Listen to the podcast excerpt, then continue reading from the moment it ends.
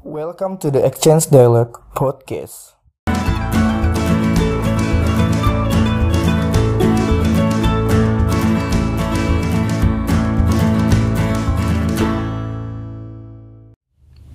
Podcast ini adalah tempat untuk berdiskusi.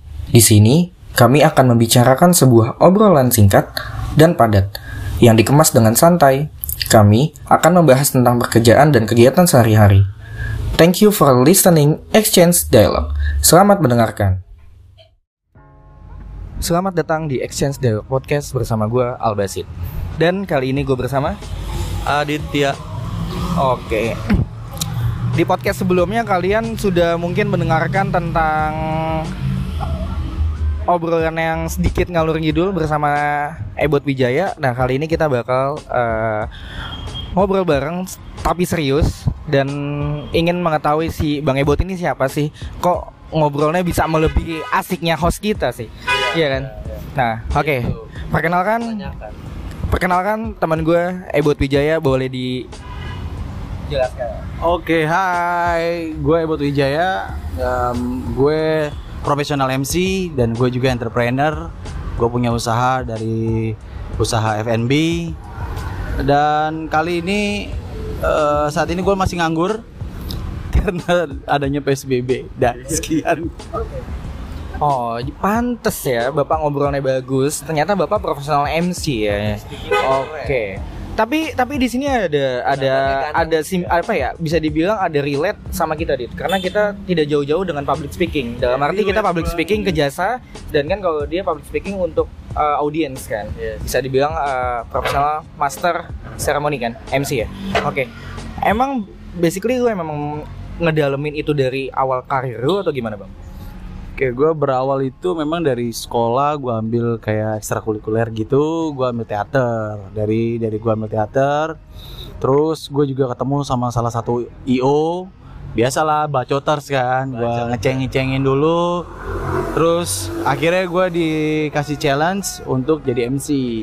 Kira-kira lu bisa apa enggak nih jadi MC? Dan gue ambil kesempatan itu. Alhasil ya Bera- di awal gue dikatain sih udah kayak tukang perabot anjir ya kan. Lu bisa nge-MC apa enggak sih nih? Dalam hitungan tiga kali lu nge-MC nggak bisa, lu langsung gue cut kan kayak gitu. Nah, dari situ ya gue alhamdulillah belajar sama supir waktu itu. Karena supir itu kan sering banget eh, komunikasi sama MC kan. Akhirnya gue belajar gimana sih? Iya supir. Biasa kita kan jalan-jalan tuh ada supir kantor IO gitu kan. Akhirnya gue tanya-tanya, oh gimana sih biar supaya jadi MC kayak si A gitu kan ini kamu belajarnya kayak gini gini akhirnya gue bisa belajar gitu Kalau ngomong-ngomong tentang public speaking, gue udah berapa kali ngobrol sama Adit kan tentang public speaking. Basically kalau gue belajar public speaking memang awalnya otodidak, tapi karena karena basically gue kuliah, gue akhirnya belajar tentang kecakapan antar personal. Nah, apakah lu ada based on materinya atau ya udah auto otodidak aja?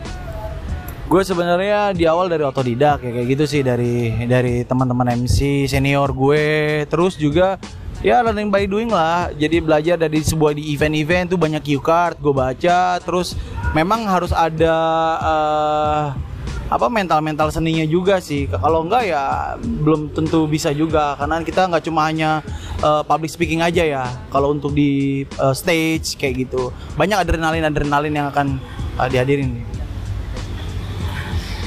Iya sih betul juga sih. Apa mental sih penting banget ya.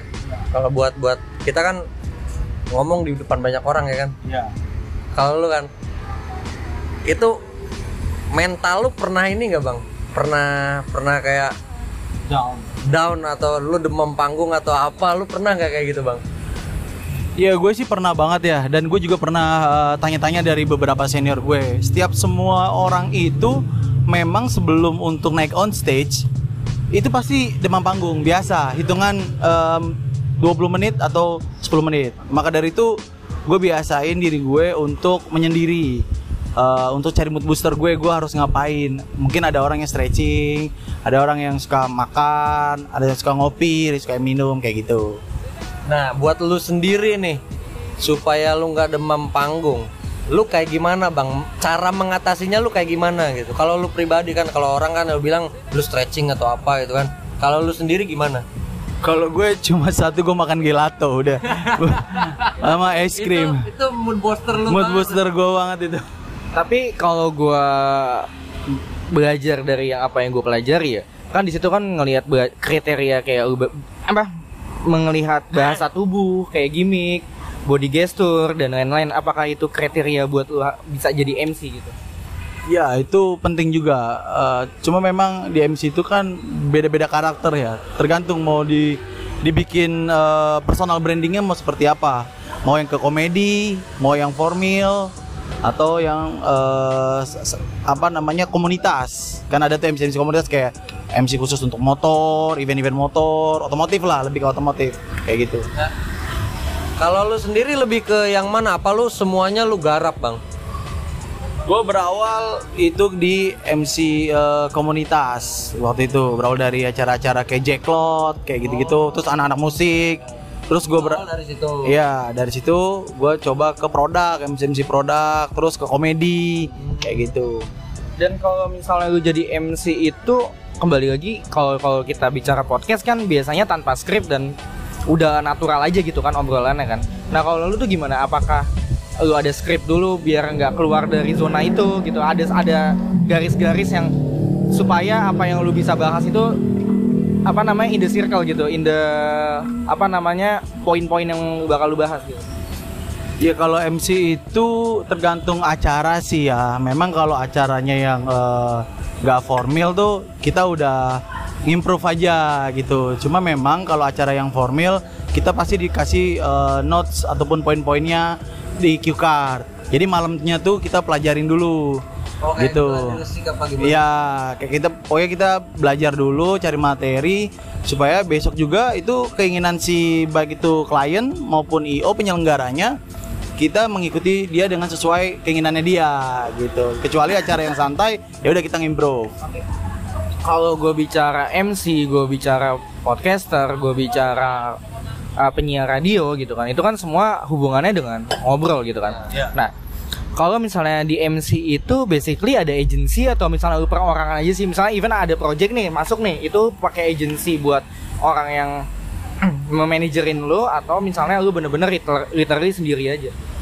Kalau gue pribadi sendiri, kalau gue pribadi sendiri. Ya, Tapi memang ada juga yang masuk ke manajemen.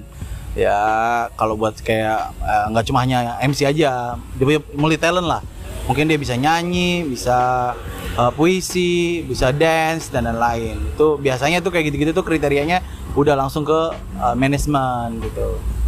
Dan pada akhirnya setelah lu jadi MC lu mulai masuk ke dunia eh, entrepreneur ya bisa dibilang yang tadi lu bilang F&B terus dan lain-lain gitu kan. Itu bisa diceritain sedikit gak sih gimana caranya lu mulai eh, nggak pergeseran sih bisa dibilang menambahkan ya. Kalau pergeseran kan berarti lu mengu- yang tadinya MC lu jadi fokus ke entrepreneur tapi profesi iya profesi ini kan lu tambahkan kan. Nah itu gimana cara lu mengimprovisasinya? Ya kalau gue di MC itu kan sebenarnya eh, nggak pasti ya untuk pendapatannya ya. Tapi memang gue mikirin untuk pasif income dan aktif income. Nah pasif income itu adalah ya di, di MC, nggak bisa dibilang untuk aktif. Nah makanya gue bikin usaha. Nah, karena emang emang itu sesuai panggilan gitu kan. Berarti ya kalau bisa dibilang kayak kayak gue di sini gitu ya. Even dalam arti ak- apa aktif income gue ngebarber, pasif income gue konten gitu ya. Nah, gitu ya. Kalau gua aktif income terus, nggak ada pasif Tapi income. enggak, tapi enggak mas enggak masalah maksud gue dengan dengan du- dua cerita ini bisa bisa mengimprovisasi lu dan para Ya, pendengar sih sebenarnya dalam arti terkadang kita terlalu fokus dengan satu tujuan tapi kita kita sadar tapi Ya. kita lupa bahwa ternyata kita masih punya posibilitas Gua- dalam gua diri begitu, kita gitu. Gua begitu. Gua kemarin-kemarin itu gue sempet apatis dengan hal yang lain bang. Gue nggak mau pelajari. Oke, gue fokus di sini aja. Gue cinta sama dunia ini. Gue cinta sama dunia barber. Oke, gue ngebarber aja. Setelah setelah setelah sekian lama gue pikirin, wah nggak bisa nih. Gue bakal tua. Gue bakal tua. Gue gak bisa selamanya nyukur. Gue harus punya eh, income yang lain. Oke lah, aktif income gue dari ngebarber ya kan. Setiap hari gue dapat penghasilan ya receh lah katakanlah gitu kan. Gue harus nyari pasif income yang lain di luar ngebarber dan gue harus mempelajari hal lain. Gue gua nggak boleh apatis gitu.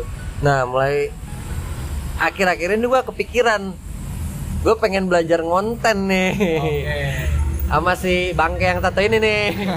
Tapi ya, kalau gua melihat eh, bisa dibilang pekerja pekerja ya, seorang pekerja dan soal beda ya kalau seorang pekerja dengan seorang profesi itu gue selalu membedakan itu karena kalau pekerja semua orang bisa kerja nyapu kerja juga Iya. ngapel kerja juga tapi kalau profesi itu kan suatu pekerjaan yang identik Tidak dan dikuasai semua dan tidak orang. dikuasai Iya. semua orang gitu kan Semua orang dan terkadang ketika orang sudah bekerja dia lupa bahwa dirinya sudah ada ada bakat buat salah satu profesi apa pun itu mereka takut akan waktu gitu. Dalam arti waktu gua nggak ada lagi nih nyet gitu. Dalam arti kayak gue udah kerja nih dari pagi sampai sore misalnya yang office hour. Malam gue buat keluarga padahal dari malam itu masih bisa diimprove buat profesi yang lain gitu kan. Nah itu gimana sih cara lo buat ngebangun itu? Basically lu udah MC kalau misalnya ada project sebelum PSBB sebelum corona mungkin padat ya kan? Beda ya kalau sekarang mungkin event-event masih Ya, ya, belum gini. online ya. Katakanlah gini. Masih ini offline sebelum sebelum corona lah Mm-mm. gitu.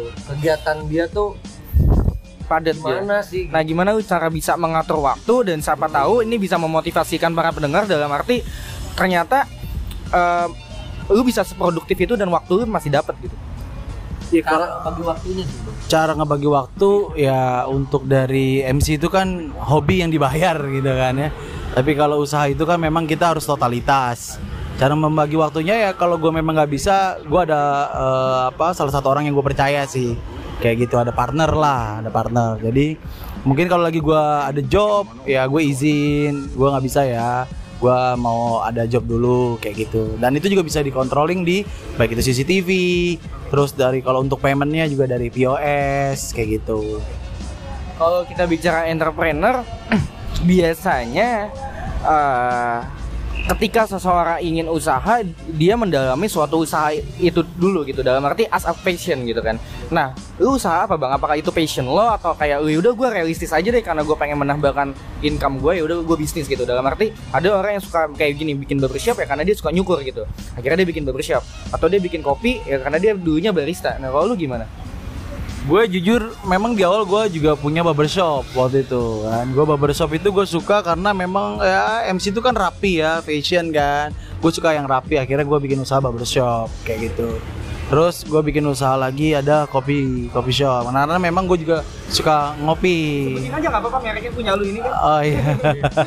Gak apa-apa ya. Ya, gue join juga sih ada Saks Coffee untuk eh, kopi. Terus sekarang ya ayam geprek Maknyus itu. Kalau lu di, di Saks Coffee itu lu ada nanam saham gitu. Ya, gue co-founder ya di situ. Hmm, terus kalau di barbershop namanya Argon Barbershop. Mana? Daerah mana enggak apa ceritanya? Wilayah Tangerang lah ya. Iya, daerah mana biar orang juga pada tahu. Iya, itu di wilayah Ciledug, Ciledug. lu punya Saks Coffee yang bisa dibilang itu buat uh, bisa bisa dibilang buat kelompok A dan kelompok B gitu kan. Dalam arti target pasarnya kan A to B gitu kan atau B to A gitu. Nah kalau misalnya gue bicara ayam geprek Magnus dalam arti dari price dengan harga coffee shop otomatis kan mereka lebih ke B2C kan. Nah itu gimana caranya lu bisa bisnis yang dalam arti lu ngambil pasar yang buat kopi A dan B gitu yang udah jelas gitu. Maksudnya secara demandnya itu lebih besar gitu. Sedangkan kalau ayam geprek manyus kan yang ngambil pasarnya yang kelas lebih menengah ke bawah gitu kan. Nah itu kenapa lu nggak bikin ayam geprek manyus dalam arti buat bisnis yang setara dengan coffee shop gitu? Dalam arti kan ketika lu sudah punya coffee shop yang besar punya nama yang besar otomatis harga coffee shop mungkin dengan harga ayam lu lebih mahal kopi lu gitu kan. Tapi kenapa lu masih lu mau turun gitu? Dalam arti gue punya bisnis yang middle gue punya bisnis yang low gitu Iya kalau bisnis itu yang gua pelajari ya dari beberapa eh, mentor-mentor. Sebenarnya bisnisnya itu tergantung pasar. Jadi dari beberapa lokasi itu bisnisnya yang bagus tuh apa sih kan gitu kita riset dulu kan selama tiga bulan dan kapasitas orang di sini itu mampunya beli harga berapa sih kan kayak gitu seandainya kalau gue bikin di wilayah Pondok Indah pun mungkin ataupun misalkan di wilayah Jaksel harga pasti berbeda kayak gitu. Nah karena saat ini di wilayah Bintaro itu kan ada dua eh, segmen ya, ada yang kelas A, ada yang kelas B. Kebetulan tempat gue di kelas B. Akhirnya gue pikir ya, gue menyesuaikan tempat aja sesuai pasar gitu. tapi Dit setuju nggak Dit? menurut gue ini gue bukan peres ya ada hal yang keren ketika seorang co-founder salah satu coffee shop yang bisa dibilang kalau coffee shop itu udah kelas menengah ke atas lah ya tapi dia tetap mau turun di dalam di dalam eh, bisnis yang satunya lagi. Nah itu gimana menurut gue sih keren-keren aja ya. Mungkin dia pengen ngerambah ke dunia yang belum pernah dia coba Mencakup gitu. semua mencakup kalangan. semua kalangan. Jadi semua orang tuh bisa masuk-masuk aja sama dia gitu. Mau kalangan bawah kalangan menengah mau kalangan atas masih bisa masuk itu yang yang yang gua kan salutin sih. gua bukannya peres mentang-mentang ada orangnya ya. Enggak maksud gue gini. Biasanya orang kalau udah bisnis ya udah kalau memang ngambil kelas A kelas A aja kelas B kelas B aja. Ini udah di kelas B ke A tiba-tiba udah gue mau turun aja gue juga mau masak di kelas C gitu. Yang seharusnya dia udah bukan di level ini lagi nih dia bisa lebih tinggi lagi gitu. Nah itu kenapa lu akhirnya bisa memotivasikan diri lu buat ke sana Iya, gue belajar memang bisnis itu ad- ada ada bagusnya kan dari sesuai pasar. Cuma memang kan gue udah punya eh, strateginya, sistemnya. Ke depan itu gue bukan hanya jualan ayam yang di pinggiran, tapi yang gue jual itu adalah konsepnya sama eh, SOP-nya. Jadi ya macam kayak eh, franchise lah gitu. Jadi gue gue baca sistemnya ke depan ya ini udah praktis semua. Gue bisa open ke semua para franchiser kayak gitu. Gue makin salut aja nih makin salut nih. Nih orang visioner nih orang nih. Visioner nih orang. Asli visioner. Nih bang bal gua gua ada satu pertanyaan yang ganjel nih. Ya, ya. masalah ya kita back to topic ya. Masalah nge-host. Nge lu MC pasti kan itu ada ada ada ya lu pernah ngalamin lah pengalaman buruk lu gitu kan. Ya, selain senangnya otomatis masih banyak ya. Pengalaman paling buruk lu ketika lu nge-MC paling ya menurut lu wah anjing. Kayaknya nih karir gua tamat nih di sini. Lu seakan-akan ngerasa kayak gitu. Kayak gimana tuh, Bang? Pengalaman apa yang yang paling lu ngerasa kayak gitu? Kalau dari MC itu kan eh, bera- eh, berasal dari ucapan ya. Nah, ucapan itu pasti juga eh, bisa dibilang jadi bahan untuk bumerang juga. Nah, pengalaman gue yang paling parah itu ketika salah sebut brand. Nah, itu yang berbahaya itu. Kalau kita di acara ini cuma untungnya setengah. Gue menyebutnya setengah. Cuma ya klien kan eh, pandai lah ya. Pasti dia juga mendengar, oh ya apa ini. Cuma kan ya namanya MC kita pandai-pandai bersilat lidah. Akhirnya ya enggak. Itu yang bikin gue jadi, waduh ini gue kayaknya gue dipakai lagi apa enggak ya? Gue diajak lagi apa enggak ya? Kayak gitu-gitu. Itu itu menurut gua bad sekaligus funny sih ya. Buruk tapi lucu gitu. Kalau di kita, kalau gua kan barber ya. Misalkan customer minta A, ternyata jadinya malah B gitu kan. Nah itu udah habis. Besokannya pasti dia gak akan motong sama gua lagi. Kalau di MC mungkin ya lu pandai-pandai lu bersilat lidah lah ya. Iya, benar. Eh, lu lain lagi. Iya, mungkin kalau gua karena gua ngeliat si Bang Ebot yang akhirnya mengambil apa ya bisa dibilang segala Bidang, profesi, semua bidang ya, semua bidang ya.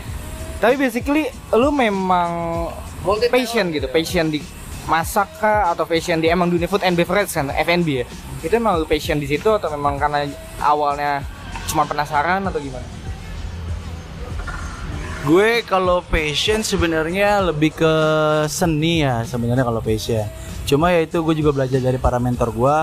Sebenarnya bisnis itu eh, bukan passion yang kita utamakan, tapi kalau bisnis itu kan ya kalkulasi ya. Nah kalau gue lihat Spekulasi spekulasi. ya kalkulasi, spekulasi, analisa itu penting banget. Nah kalau gue lihat itu bukan passionnya gue. Kalau buat di makanan. Nah bicara orang bisnis pasti ujung-ujungnya cuan kan gitu kan. Passion itu sebetulnya buat orang kaya aja. Ya. Nah, untuk orang-orang yang Gua pernah mer- denger itu, gua pernah denger. untuk orang-orang yang merasa eh, ya udah berkecukupan, mungkin semua bisnis itu bisa dijadikan passion. Tapi untuk kalau gue pribadi ya gue mau coba semua bisnis itu ya dari awal, dari nol kita rawat dengan baik. Mudah-mudahan juga bisa jadi bisnis yang fashion kalau gue udah jadi sultan gitu. Amin, amin. Gua ada sih apa salah satu panutan gua sih. Ya gua nggak boleh sebut nama juga, nggak boleh sebut nama ini juga lah ya. Gua ngelihat dia tuh udah tajir, Ya.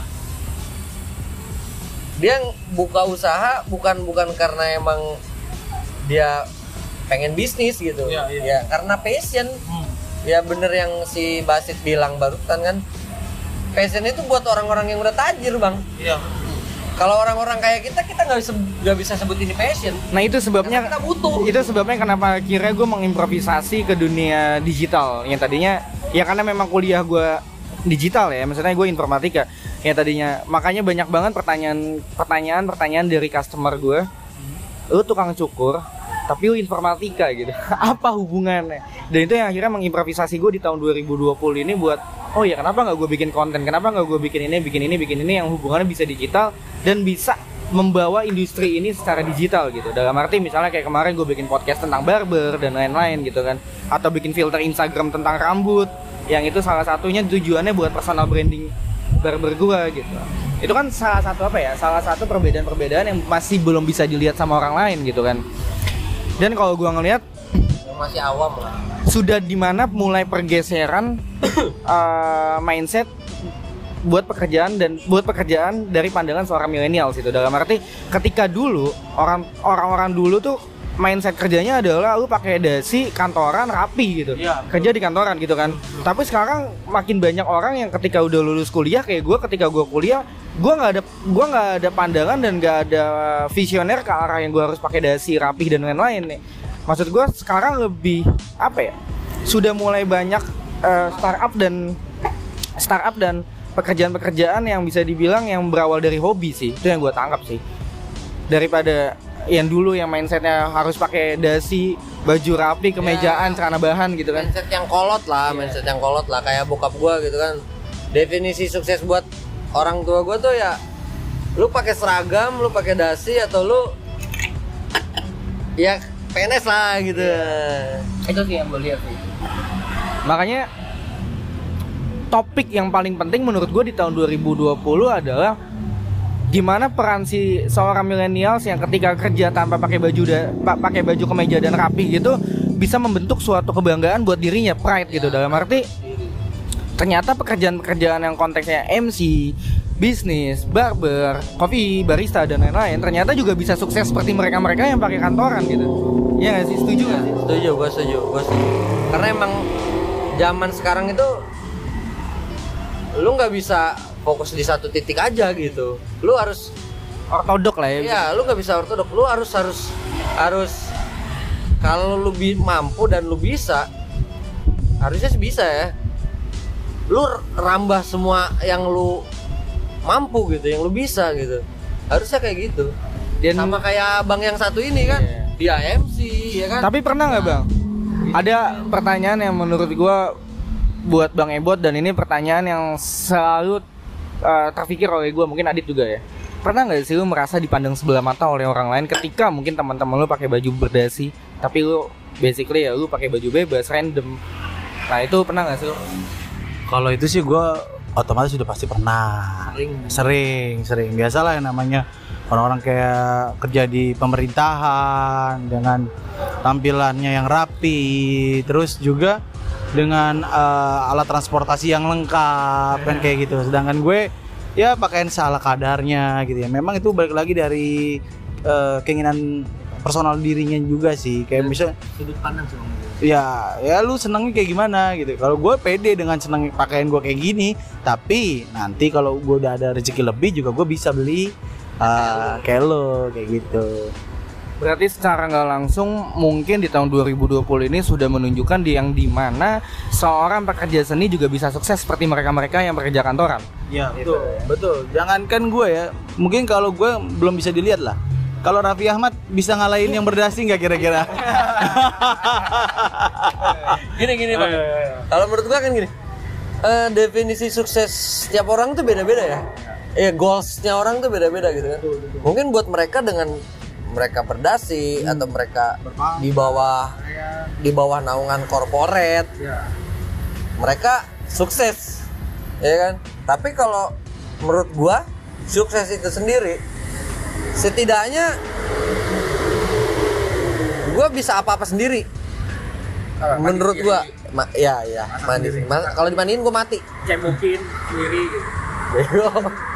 ya kalau menurut gua sukses itu lebih ke ya gua setidaknya gua bisa bisa bisa ngidupin diri sendiri dan gua bisa ngasih sedikit ke orang tua lah gitu sedikit banyak ya arti sukses buat gua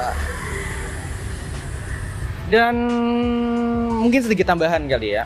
Kalau kita bicara yang tadi tentang produktivitas Bang Ebot, gua sendiri atau Adit dalam arti produktivitas yang fluktuatif ya bisa dibilang ya.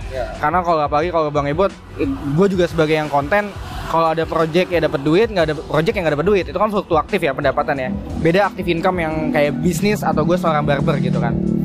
Tapi gue pernah denger gitu dari dulu gue pernah ngikut ada salah satu mentor gue juga, dia selalu bilang dia bilang sama gue, catat apa yang lo mau kalau bisa di tembok ketika lu mau tidur dan ketika lu bangun lu baca tapi ketika gue sadar di situ tidak bisa gue catat ya udah gue pakai HP gitu nah apa sih reminder lu gitu yang yang ngebikin lo bisa sampai sekarang gitu Ya kalau itu gue percaya dengan ya Tuhan tuh kan eh, seperti apa yang eh, prasangka kita masing-masing kan. Gue selalu berpikir untuk mindset gue lebih di atas gue gitu. Kayak misalkan lu catat betul dicatat, tapi kadang-kadang kita juga mungkin lupa untuk eh, melihat catatan lagi. Kalau gue selalu gue tanam setiap hari itu ya berpikir positif. Hari ini gue mau ngapain dari sampai lu keluar rumah aja tuh gue udah pikirin ya kita berdoa lah dengan eh, Tuhan kepercayaan kita masing-masing terus sama alam gitu gue pikir ya kalau ketika gua- Ketertarikan. Ah, iya jadi gue pikir ya cara lu buat narik magnet gimana gitu Ya, ya. nah saat ini yang gue pelajarin ya itu dari depan rumah gue udah berpikir ya Allah semoga hari ini hari yang menyenangkan bisa mendapat keberkahan banyak Lebih baik dari hari kemarin. lebih baik dari hari kemarin jujur kita masih hidup aja hari ini udah gokil banget gitu udah bersyukur kesimpulan yang bisa didapat oleh Bang Ebot dan bisa diambil eh, hikmahnya ya adalah lu ngebikin eh, schedule produktivitas dalam daily activity ya oke Kalau kalau gua mungkin gua mirip-mirip sama Bang Ebot ya.